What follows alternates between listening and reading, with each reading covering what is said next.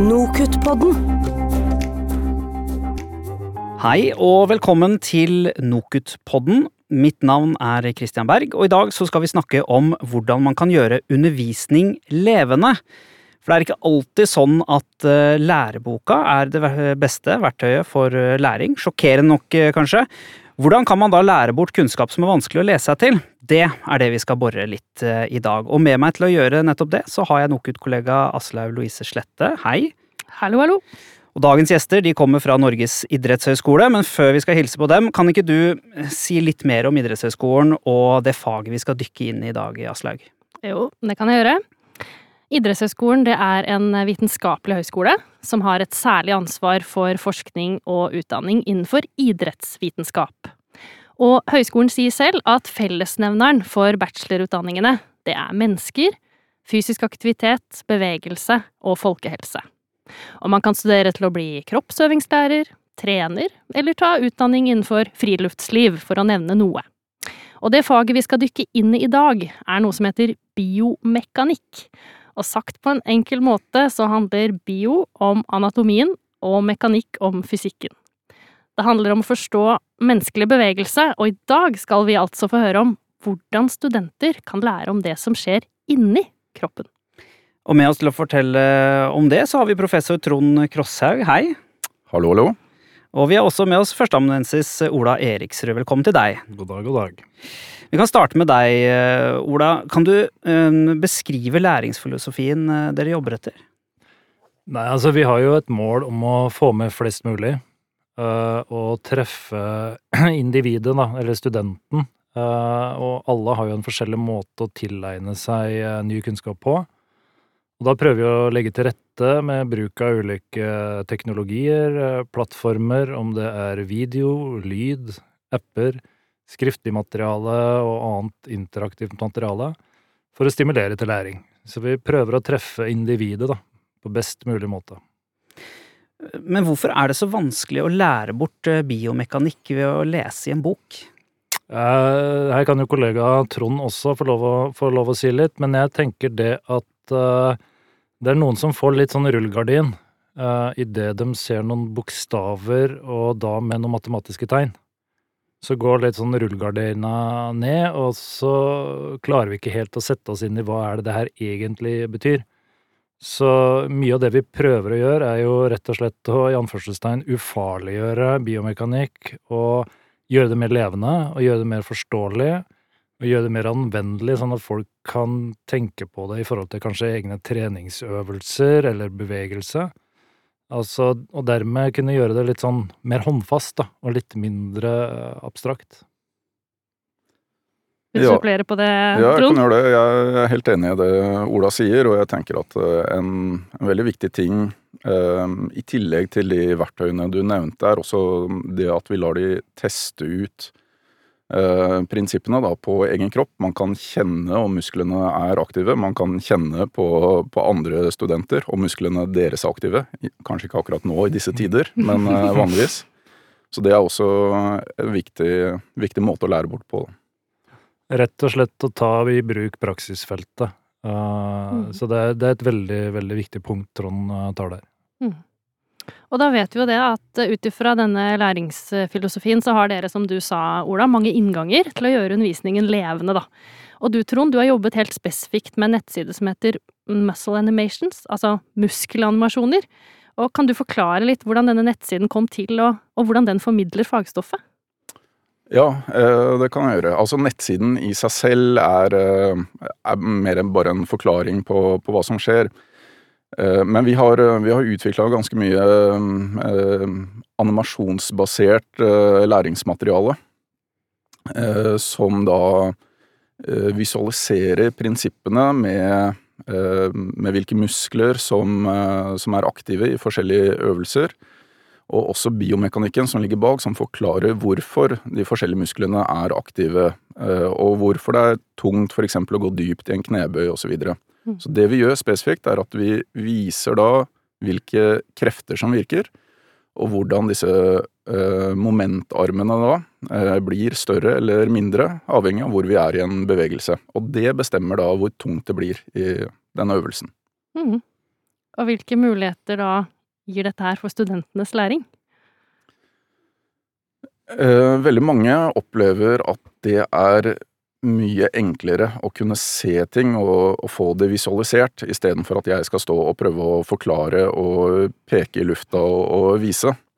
Så, og det å kunne se ting om igjen, se det eh, på, fra forskjellige synsvinkler, se forskjellige øvelser, se de samme prinsippene i bruk i ulike øvelser, det, det er veldig verdifullt for studentene. Altså Hvis jeg kan kommentere litt der, så kan du se det i et slags kontinuum, som Trond var inne på, sånn at det, det prinsipielle kommer fram ved en animasjon. Og så var det det Trond var inne på, som å ta og føle og kjenne på det i etterkant. Mm. Ja, men du, det her stemmer jo. Det blir jo tyngre her. Og så innen biomekanikken så er det to, kall det greiner, da. Én er altså observere bevegelsen, og det er ganske enkelt. Vi ser at kneet bøyer seg så og så mye, og hofta gjør så og så mye. Den er ganske enkel.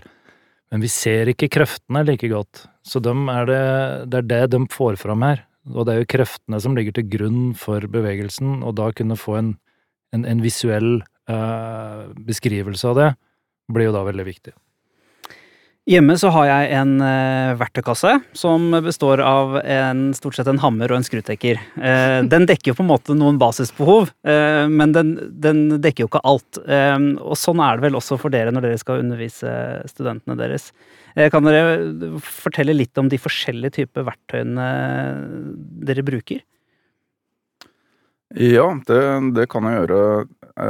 For det første så så er det sånn at det praktiske er viktige. Så for eksempel i dette faget som jeg underviser, som er et instruktørkurs, der er det jo viktig å faktisk gjøre praksisen. Men i etterkant av det så får studentene oppgave om å analysere de forskjellige øvelsene. Så de, de går da i grupper og gjør dette her. Så får de mulighet til å, å få en fasit utdelt i etterkant. Eh, den kan de da se på, på Canvas, vårt eh, learning management system. Så de kan gå inn der og, og se fasiten, og så, eh, så, kan det hende at det går noen lys opp. I tillegg til det så har vi mye vi utvikla en del quiz-basert materiale, der de kan gå gjennom omfattende quizer og lære seg mer om ja, instruktøratferd, typiske feil, de forskjellige delene av denne biomekanikken. Så, så, det er et ganske stort materiale som ligger til grunn, som de kan eh, øve på da, på, på ulike måter. Enten det er liksom fysisk å gjøre ting selv, eller å i gruppearbeid, eller individuelt. Mm. Ja, altså hvis jeg skal ta bioen, da, fra biomekanikken og litt den derre strukturen og da anatomien, så bruker vi eh, en del anatomivideoer som vi legger ut i forkant, hvor vi deler jo kroppen opp i ulike deler, eh, gjerne sånn leddbasert, så vi hopper fra ledd til ledd og region til region. Og deler det opp. Først ser vi på knokler, så leddene, så noen muskelgrupper rundt det, og legger alle sånne videoer ut i, i forkant, så det blir en sånn eh, flipped classroom-modell. Og så ser jeg også min egen praksis har jo endra seg veldig. Fra før å stå to ganger 45, så står jeg nå kanskje 20 minutter oppsummerer det og har problembasert læring for å prøve da å engasjere studentene i oppgaver i undervisningstida. Så det blir mye mindre den her slaviske powerpointen, hvis du vil, og prøve å skape det engasjementet og forståelsen når vi møtes. Sånn at forståelsen og tilegne seg kunnskap på en annen måte ser i hvert fall en sånn transformasjon egen, eh, for min egen del. Mm. Så det er én ting vi gjør, og så har vi jo, som Trond er inne på, quizer. Og det er en sånn levende økosystem, for vi hele tida øker det, så hver gang vi lager nye eksamener, så legger vi jo til dem inn i quizene og bare bygger og bygger og bygger, sånn at studentene kan sitte egentlig hvor som helst og klare å tilegne seg det. Men samtidig så er det den derre når vi møtes, da, når vi kan møtes, nå er det jo stengt ned, så nå blir jo det litt problematisk, men når vi møtes, at det har liksom en tilleggsverdi i den her diskusjonen som vi får. For da har de litt sånn fundamentet for å kunne ha den refleksjonen og diskusjonen. Mm.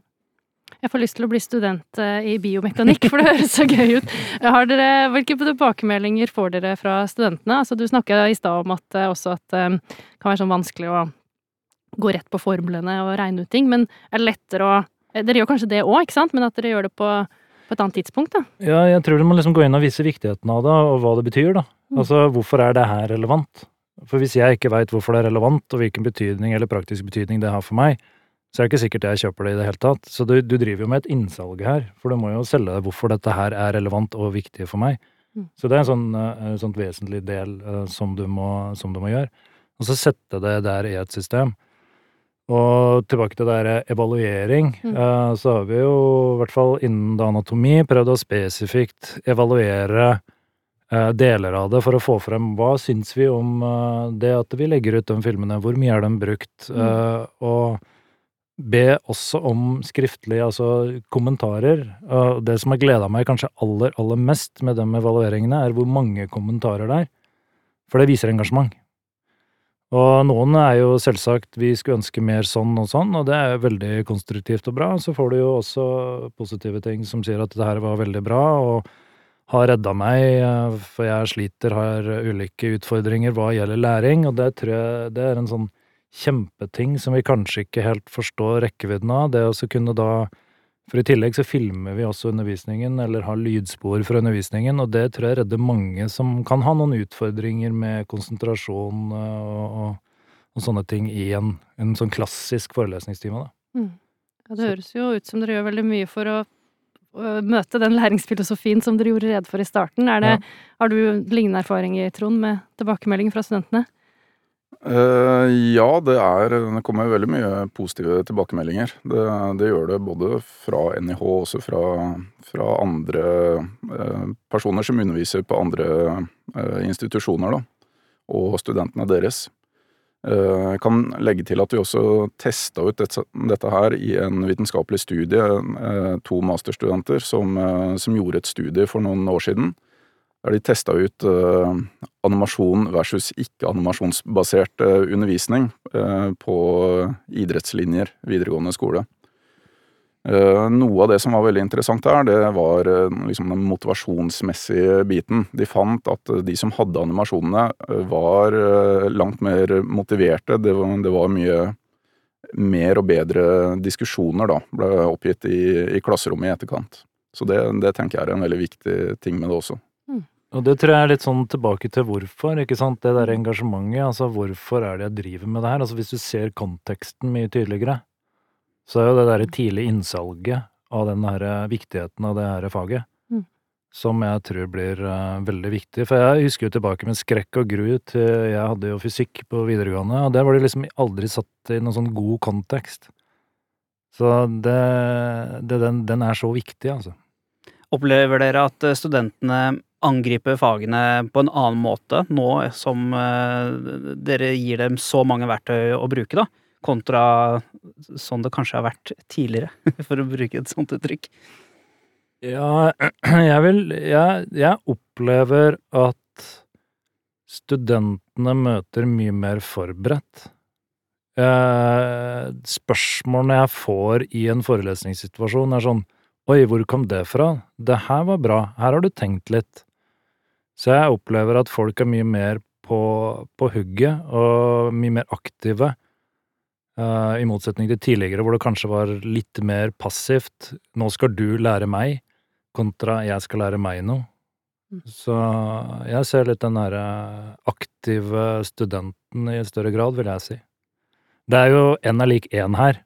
Det er min observasjon, men det Vi har en eller ikke to. Vi får si to, vi får si to da. Ja, jeg vil si to. Det stemmer. stemmer. Eh, På bakgrunn av eh, læringsfilosofien og verktøyene som dere har beskrevet eh, for oss nå, har dere noen tips til de lytterne våre, som ofte er andre undervisere, eh, som sitter og tenker at hm, kanskje jeg skal prøve å utvide verktøykassa mi lite grann?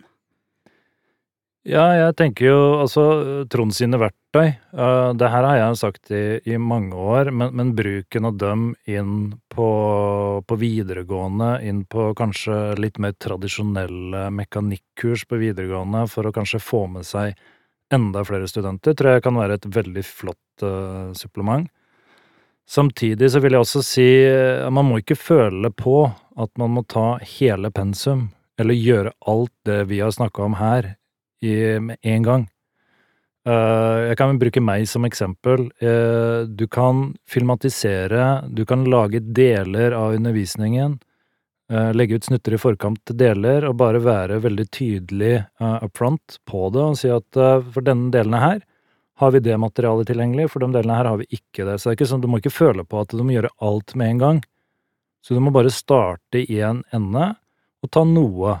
Og så er det, hvis det blir eh, Produktet er bra, så kan det resirkuleres. Så absolutt. Så jeg tenker bare starte i én ende. Mm. Ikke føle at det er for mye. Det er bare å begynne. Bra tips.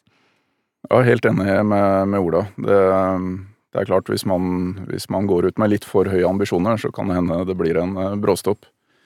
Så jeg tror også det at vi har sett noen eksempler da hos oss, at eh, de som har begynt å lage noen quizer, eh, og utvikla de litt mer og mer, kanskje bruke noen eh, ja, eksempel noe materiale som finnes der ute. Det må selvfølgelig kvalitetssjekkes godt og passe inn med undervisninga. Men det er ganske mye som finnes der ute som kan integreres i f.eks. Canvas. da. Og man kan lage spennende quizer som engasjerer da studentene.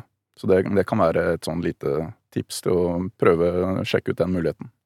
Ja, det, det tror jeg er veldig, veldig viktig, fordi det er ikke noe vits i å gjenskape hjulet hvis det allerede er der. Eh, det, altså, bruk materialet som fins, og kvalitetssikre det, men altså, bruk det som fins. Fryktelig mye bra. Så det er bare å sette seg ned og bruke litt tid på det, så tror jeg det går veldig bra. Og det høres ut som det er én suksessfaktor til her, når jeg sitter, for vi er jo i studio nå, og jeg kan jo se dere begge to.